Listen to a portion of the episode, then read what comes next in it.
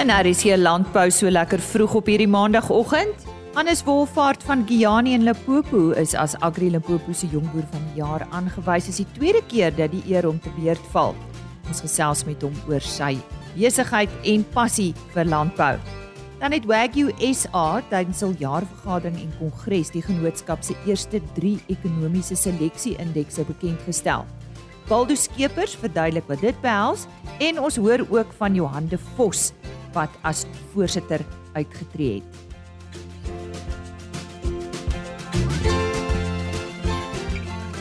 Dis Lisa Roberts wat groet. Baie welkom by vanoggend se program. Ek gesels nou met Roan van Tonder van Meerkat oor 'n veiling op 22 September daar in die Potch omgewing.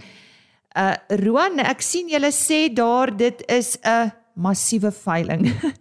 dit dit kan nogal baie beteken, maar ons praat nie hier van vee nie. Waarop fokus julle tydens hierdie veiling môre? Lise môre, nee baie dankie. Ehm um, Lise, ja, dit is 'n veiling wat ons hou in Potchefstroom. Ehm um, die Alsgroep wat groot is in geelmasjiene en in landbou en swaan, hulle hulle wil 'n klomp van hulle toerusting ook verkoop en dan het ons dit ook goed gedink om 'n paar mense te kontak wat ons weet ook verkopers kan wees en ouens wat bereid is om van hulle ehm um, toerusting te verkoop op die veiling te sit en ons het 'n paar inskrywings gekry.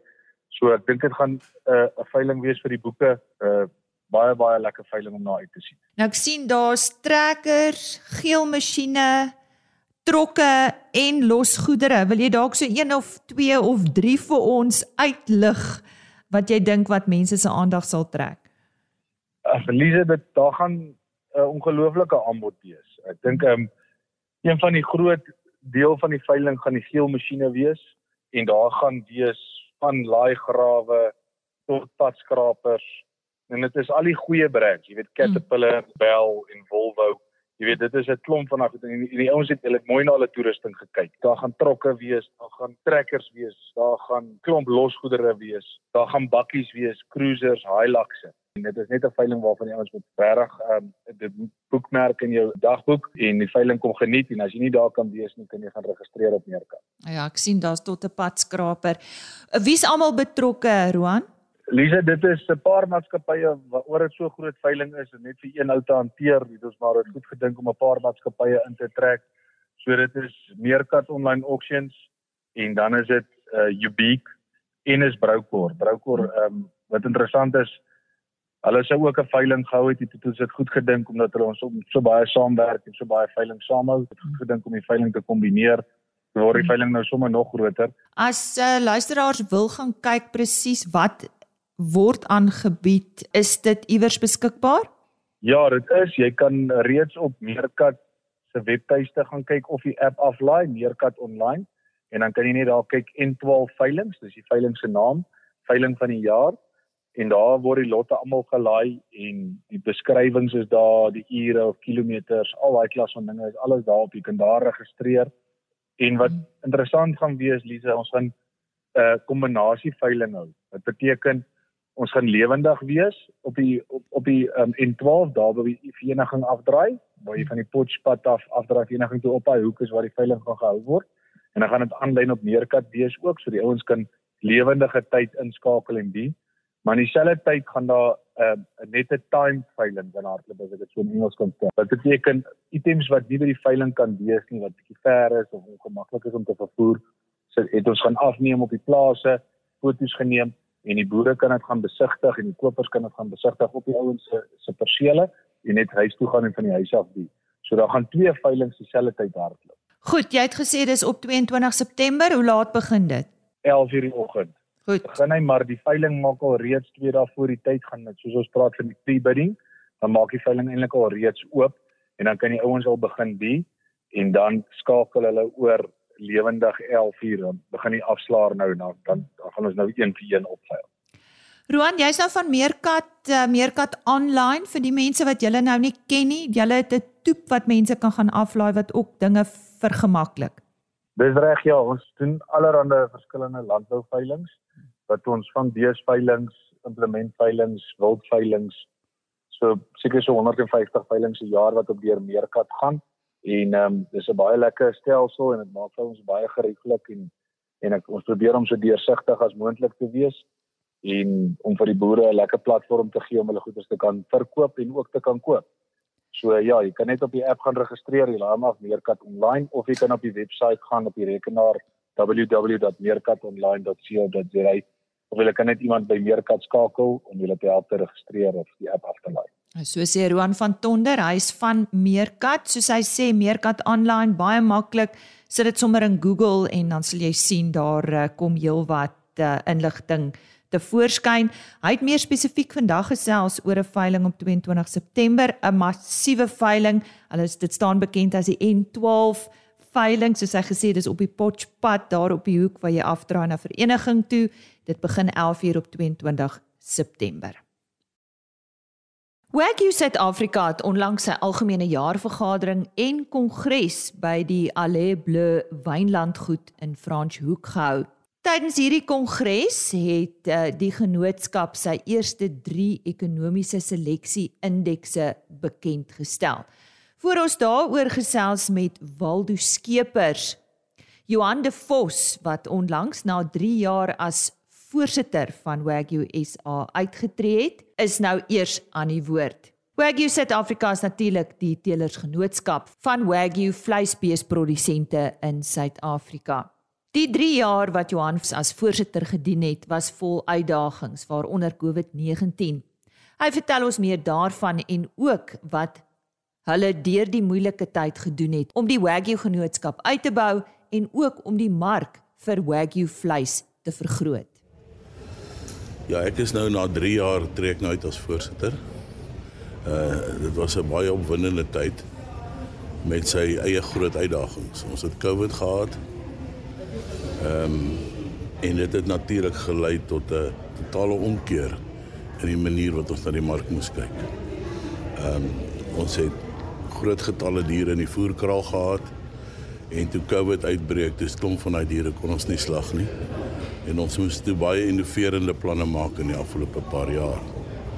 Ons is baie trots om nou te kan sê dat sedert omtrent Junie laas jaar tot vandag toe het ons slaggetalle opgegaan van 70 diere 'n week na meer as 90 diere 'n week.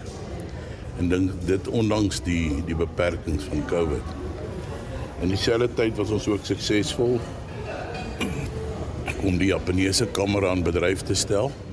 En ons het nou by elke abattoir het ons 'n kamera of vir 'n of 'n kamera selfoon toepassing wat ons baie wetenskaplik die marmering en die vetinhoud van die karkasse kan meet En dis hoe die prysbreuke natuurlik daar is vir die vir die produsent.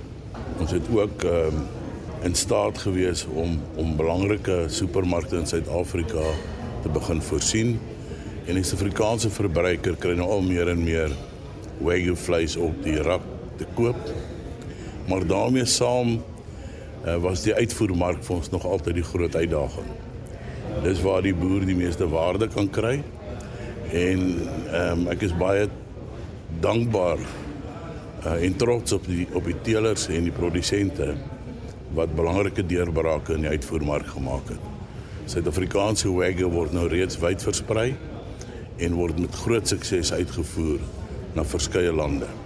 In dieselfde tyd het ons skudde ook dramaties toegeneem en alhoewel die die volbloedkudde effens afgeneem het, het ons nou reeds amper 13000 vroulike diere geregistreer onder die Oniwege protokol.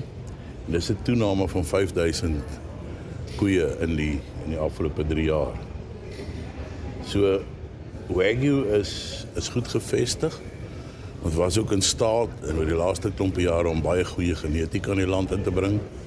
En ek is verbaas om te sien wat die Afrikaanse boere in hulle teelprogram kan regkry.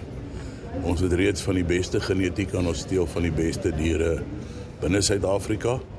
Maar ons ook, ons is ook kundig om om die regte voeding toe te pas en ons diere op die regte manier groot te maak.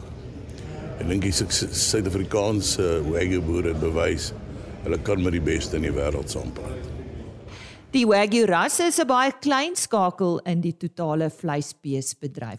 Maar wat doen hulle om op die voorpunt van uitdagings soos naspeurbaarheid en gesondheid te bly? Ons moet besef dat ons wagyu nie in isolasie kan sien nie. Die weier gesondheidsprobleme in die Suid-Afrikaanse beestevleisbedryf is waarskynlik een van ons grootste uitdagings vandag. Ehm um, Wagyu het reeds verskeie jare 'n baie goeie naspeurbaarheidstelsel ingesit. Elke dier word met geboorte 'n DNA monster van geneem. Hy kry 'n elektroniese oormetingsstelsel en reg deur sy lewe totdat hy geslag word, het ons rekord wat met die dier gebeur, waar hy beweeg, waar hy gevoer word. Ehm um, en hierdie naspeurbaarheidstelsel is waarskynlik een van die beste stukke gereedskap wat ons kan hê om die die back and claw hok te kan slaan. En ek is daarvan oortuig dat ons as as beestelers in Suid-Afrika baie ernstig moet kyk na naspeurbaarheid want dit is ons die beweging van die diere kan beheer en dit is hoe ons se siektes soos back and claw uh, kan hok slaan. 'n Ander belangrike groot uitdaging is is die navorsing wat ons tans aan Universiteit van Pretoria Prof Eddie Webb doen oor die vetinhoud van wagyu en dit is vandag aangebied dat dit nou onteenseglik bewys die voordele van die interspiervet van wagyu vir die mense gesondheid. Ehm um, daai navorsing is vir ons baie van groot waarde. Dan is ons natuurlik ook nou besig met 'n volledige ekonomiese ondersoek en hoofsaaklik om te kyk waar die groot geleenthede is in die uitvoermark om die breekpunte vir ons produsente te kan gee sodat ons maksimum waarde kan toevoeg uit die uitvoermark binne hierdie ekonomiese model vir die Suid-Afrikaanse wagyu-produsent. So sê Johan de Vos, hy het na 3 jaar as voorsitter van Wagyu SA uitgetree. Nou soos ek genoem het tydens die kongres het die genootskap sy eerste 3 ekonomiese seleksie-indekse bekend gestel. Die ekonomiese seleksie-indekse is van groot waarde vir Wagyu produsente in Suid-Afrika. Waldo Skeepers, die Wagyu Telersgenootskap se direkteur van rasverbetering, het meer lig op hierdie onderwerp gewerp. Maar wat beteken die indekse vir Wagyu produsente? Ja, die indekse, ehm um, dis ekonomiese seleksie indekse wat ons nou uh, bymekaar gesit het en en geloods het vir die wagyu teelers van Suid-Afrika. Dis 'n ding wat ons kan gebruik om om seleksie vir ons makliker te maak om ons ekonomiese winsdrywers ehm um, so so goed as moontlik na te jaag en en beter te selekteer. Dit dit help ons om nie op op enkel eienskapseleksie te fokus wat wat daartoe lei dat ehm um, ons foute maak met seleksie vorentoe en van van die belangrike goed van boerdery, beesboerdery ook ook vergeet en en, en dis hoekom seleksie indekse so so goeie hulpmiddel is vir ons vorentoe. Een van die indekse is vir die stoetteler wat verse terughou vir teeling en 2 is vir die produsente wat net vir vleis teel. Hy vertel meer van die indekse en hoe dit van mekaar verskil. Ons is baie trots daarop dat ons nou 3 indekse geloods het um, vir die wagyu teelers van Suid-Afrika. Die drie spesifiek is, dan nou die koei kalf produksie indeks, die langvoer terminale kruisingsindeks en die kortvoer terminale kruisingsindeks. En dan die maklikste manier om om om hulle afsonderlik te verduidelik is die, die koei kalf produksie indeks is 'n 'n basiese indeks waar jy verse terughou vir jou teelprogram en dan die osse word geslag um, op op 'n gewig van 770 kg en uh, ja, verse word alles terughou vir vir, vir teeleienskappe. So dit is 'n um 'n teelers indeks. Dit is dis vir die stoetboere wat wat um 'n koeikudde opteel um in die in die stoetlyn afsuidelik. Dan wat die wat die voerindekse aanbetref, dit is twee af, afsonderlike indekse want ons het 'n in die mark gesien dat daar duidelike strome vir kort en langvoer indekse is. Uh die kortvoer indeks is dan nou 'n dier wat bietjie vroeër ryp gaan wees. Hy gaan vir ons vir korter opvoer wees. Ons mik vir vir vir karkaste van hier by 300 350 kg rond. Um en ja, dis bulle wat vir jou vinniger 'n dier vinniger by daai by daai punt gaan kry waar die langvoer indeks mik vir 'n hoër marmering telling.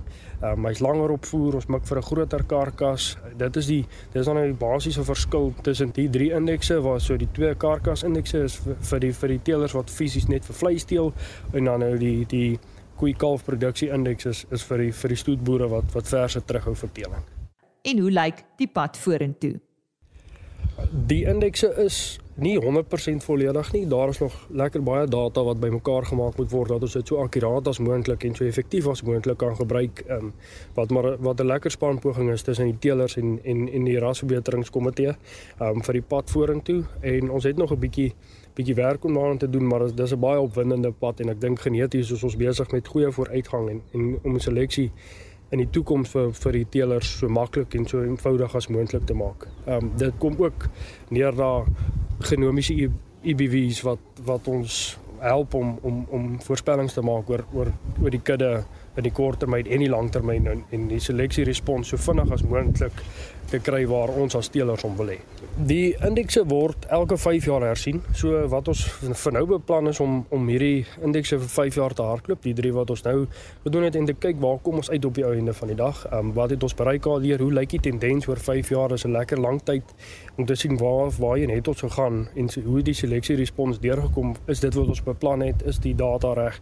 Ehm um, en intussen tyd ook is daar tekortkominge waar ons dalk nog 'n indeks wil ontwikkel of is is is dit ehm um, iets waarna mense moet aandag gee of is daar ander lyne wat 'n mens moet inbring om om om die indekse so gepas as moontlik te maak vir ons teelers om dat almal ware kan put by by dit. En dit dit is saam met ek dink 'n groot stap waar waar ons nou werk is die genomiese EBV's wat wat vir ons 'n 'n groot stap gaan gee in die akkuraatheid en die vergelykbaarheid internasionaal met ons beeskudde, die nasionale kudde uh, in terme van die die ander groot rolspelers met Wagyu in die wêreld.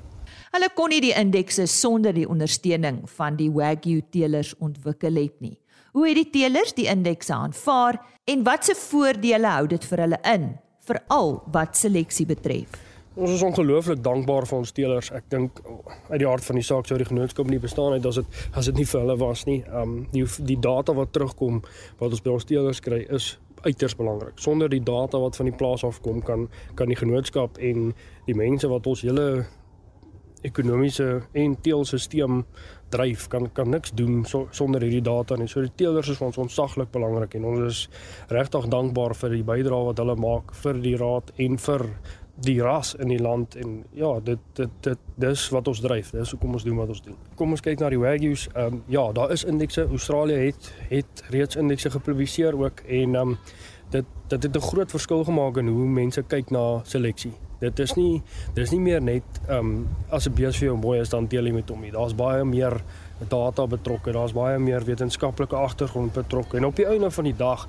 maak dit jou beesboerdery vinniger groei en beter wins maak en jy boer beter per hektaar waartoe mens ultimately wil gaan. Dis nog 'n hulpmiddel in in jou kas as teeler om te sê ek kan hierdie doen en die risiko verminder om vorentoe beter seleksie besluite te maak vir my kudde.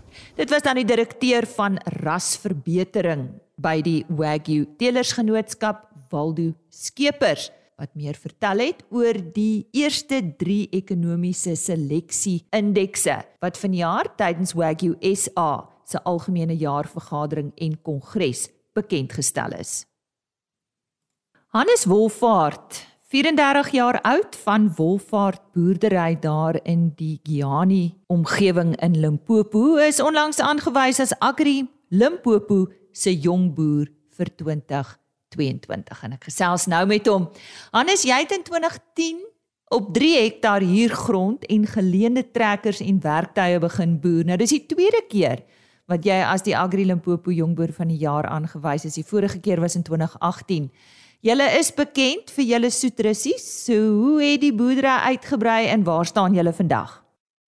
Ja, ons het ehm um, van 2018 af het ons regtig goeie jare agter ons gehad en uh moet sê die vorige jongboer kompetisie het vir ons baie deure ook oopgemaak. Ehm um, ons het daai tyd het ons nog nie regtig met ehm um, retailers of kontrakte gehad nie en van toe af het dit het ons baie groot gegroei op dit. So op die soetrusie kant ehm um, het ons uh 110 000 bokse rond gedoen. Ehm um, en ons het so ons het so jy weet 10 hektaar uh nette gehad en 'n bietjie oop lande gehad en ons het nou 25 hektaar onder net onder met soetrussies en dan plant ons ook nou uh, nog so ons het 20 hektaar oop land geplant maar ons plant so 'n bietjie minder nou op die oop lande um, en spesialiseer op die nette. Ehm um, so ons het gegroei na so 370 000 boksies af van 110 000 af. En ons het 'n ekstra tomatie vertakking oopgemaak toe die kontrakte nou begin 'n bietjie meer raak, het hulle ons gevra om tomaties te plant. So ons het 2019 ons eerste tomaties geplant en ehm um, dit het ons gegroei ook ons het ehm um, van ons het so hier eerste jaar hier by die 80000 boksies gedraai en ons daai nou op hierdie stadium so 460000 boksies. So dis so 28 ons plant so uh, uh, 28 gemiddeld per jaar maar tussen 26 en 30 hektar kan dit weet, weet dit hang af van maar oor die grond wat uh, beskikbaar is vir ons. En dan het ons ook ehm um, uh, intussen het ons suurlemoene geplant. Ons 2020 ons eerste suurlemoene geplant. Ehm um, en ons het uh, nog 'n aanplanting gemaak en ons het starubies ook bygesit nou. So ons staan nou so hier by 42 hektar se se sitrus ook waarvan ons ons eerste oes gaan uh vroeg volgende jaar in Februarie maand begin afhaal. So wie is vandag deel van julle boerdery onderneming? Ja, so in 2019 het my broer wat saam met my nog heeltyd in die boerdery was, maar in die stad was dit hy voltyds terug plaas toe gekom. Ons het ook die pakhuis oorgedoen toe hy teruggekom het. So ons het uh, twee twee lyne ingesit vir die peppers en die tomaties. So hy het um, my kom help oorsaaklik om die aan die bemarking kant en aan die om die pakhuis my mee te help. Um so hy het aangesluit en sy vrou is ook saam met hom ook terug op die plaas. Sy beheerdig ons finansie eh, finansiële kant. So en dan uh, my vrou is ook dan nog steeds betrokke uh sy doen die arbeidkant in die kantoor. So dit is 'n regte groot familie uh boerdery wat ons nou hier aan die gang het. So is baie lekker. Vir my so. Het jy landbou studeer? Ja, ek het by uh, TUT landbou studeer. Ek het in 2006 gematrikuleer en toe ek uh, was ek vir 3 jaar TUT toe en ehm um, en toe het ek teruggekom om te begin boer, ja. Hierdie kan nie 'n maklik bedryf wees waarin jy jouself bevind nie, maar jy wou boer. Is ek reg? Ja, ek eh, ek ek, ek my broers was altyd in die ander rigting in die besigheidsrigting ek wou maar nog altyd buite wees. Ek het nog altyd gewens om te boer. Nie eintlik gedink is moontlik nie, maar altyd gedink gaan seker maar vir iemand boer. En dinge het nou heeltemal anders uitgedraai. So ek het vir ander mense ook gesê, weet as ek nou terugdink, weet ek nie eintlik hoe ons dit reg gekry het nie. Ons was uh, baie geseën geweest oor die jare. Ek dink ehm um, so ons kan maar net vir die Here dankie sê vir alle al die seëninge wat ons kry van hom af ja, boerdery was maar nog altyd die ding wat ek wou doen en is dit die enigste ding wat ek sal wil doen tot ek eendag nie meer is nie. En hopelik vir my kinders dieselfde. Wie was jou mentor? Nee, uit en uit was my pa, was maar hy was maar die man wat ons eh, reg groot gemaak het en ons uh, reg gekry het vir die groot menslewe in die wêreld daar buite. Hy is uit en uit my mentor gewees. Hy het ons geleer om nie bang te wees nie om al is die odds teen jou en dinge gaan nie goed nie om vas te byt, hard te werk en jou bes te gee en net deur moeilike tye uh, weet uh, aan die regte dinge vashou in die lewe om wat deur te kom. So uh, die lewenslesse wat my pa ons geleer het, ons drie seuns was 'n uh, massief massiewe rol wat dit in ons lewens gespeel het en dan ook ek moet sê my my broer wat saam met ons uh, saam met my boer speel ook 'n groot rol in, in my lewe hy kom uit heeltemal 'n ander wêreld uit. Um, dit help dit om 'n ander perspektief te kry van iemand af wat 'n uh, bietjie anders na die prentjie kyk, uh, meer uit 'n besigheidskant, finansiële kant af wat sy agtergrond is waar ek aan die van 'n boerdery kant af kyk. So tussen hom en my pa, my pa is nou oorlede uh, in 2016, maar ja, dit het 'n groot rol gespeel en gelukkig het ek my broer uh, wat elke dag saam met my is. Anders uh, groenteboerdery is tegnologies baie ver gevorderd en ek is seker daar's ontwikkeling ook elke dag. Wat is die beste tegnologie besluite wat jy nog gemaak het wat bygedra het tot jou sukses? Ja, ek dink ehm um, uh, groenteboerdery ehm um, word baie uh spesifiek deesdae dit is uh, die mense sê altyd 'n mens kan nie meer ranch nie. Dis nie dis nie 'n ding wat jy net plant nie, die siekte druk en alles is net soveel soveel meer elke jaar. So ons het baie het op spuite om die regte regte uh, toerusting te hê om om te kan boer met wat jy ook al jy boer is belangrik want 'n mens moet dit kan regboer en dis waar die tegnologie inkom. Um jy weet om te, vir regte spuite dan ook aan die aan die produksiekant en aan die uh, aan die pakhuise kant weet om in die ou tyd het 'n mens met met lyne met die hand gepluk en goed waar ons nou optiese sizers het weet wat gradeerders wat um die werk doen en en die net 'n beter kwaliteit produk op die einde van die dag op die op die rak sit vir die verbruiker. Um so weet in die pakhuis speel dit 'n baie groot rol en ek dink ook op effektiwiteit van ons arbeid. Um weet uh, dinge gebeur vinniger met die tegnologie wat daar is uh van vandag. Kortliks, hoe is jy by jou gemeenskap betrokke? Ja, so ek is um ek het uh, is by Helpende Hand. Ons het 'n Helpende Hand Legitelitak. Ons is so 22 jong manne wat um help met uh, by al die skole en met uh, mense wat swaar kry wat ons uh, betrokke is en dan is ek ook op die Agri Letaba Raad uh waar daar betrokke is met georganiseerde landbou. En dan jou familie. So ietsie oor hulle. Jy's natuurlik getroud. Jy het al gepraat van jou vrou en intussen, sedert ons laas gesels het. Ja, ehm um, ek is ge, ek is getroud en ek het ehm um, 'n seentjie wat nou in November uh, 3 word. Oh. En uh, dan het ek ook my vrou verwag ons tweede seentjie uh, nou die 13de Oktober. Ons is baie excited en sien uit na die nuwe 'n nuwe gesig in ons lewens. Ja. So ja, dit gaan 'n lekker tyd wees en ehm um, ja, en dan my broer, my broer en sy vrou wat op die plaas is. Ehm um, sy vrou is ook hulle verwag ook hulle eerste kind nou, so is baie exciting is so die familie boerdery groei bietjie. Om jy af te sluit, Johannes, raad asseblief, wat is belangrik wanneer mens soetrusies plant? Ek dink eerstens moet 'n mens 'n mens moet van agter af begin. Jy moet besluit as ek soetrusies plant, waar gaan jy met jou produk? Uh, uh, weet, jy miskien nie net plant en jy weet nie waartoe jy gaan nie. So, jy moet jy moet goeie navorsing doen waar jy waartoe jou eindproduk gaan. Ehm um, want dit as jy kan goed boer beteken nie, nie jy kry dit verkoop nie. So ehm um, dis belangrik en dan dan dink ek ook ou moet ou moet seker maak in watter areas jy plant.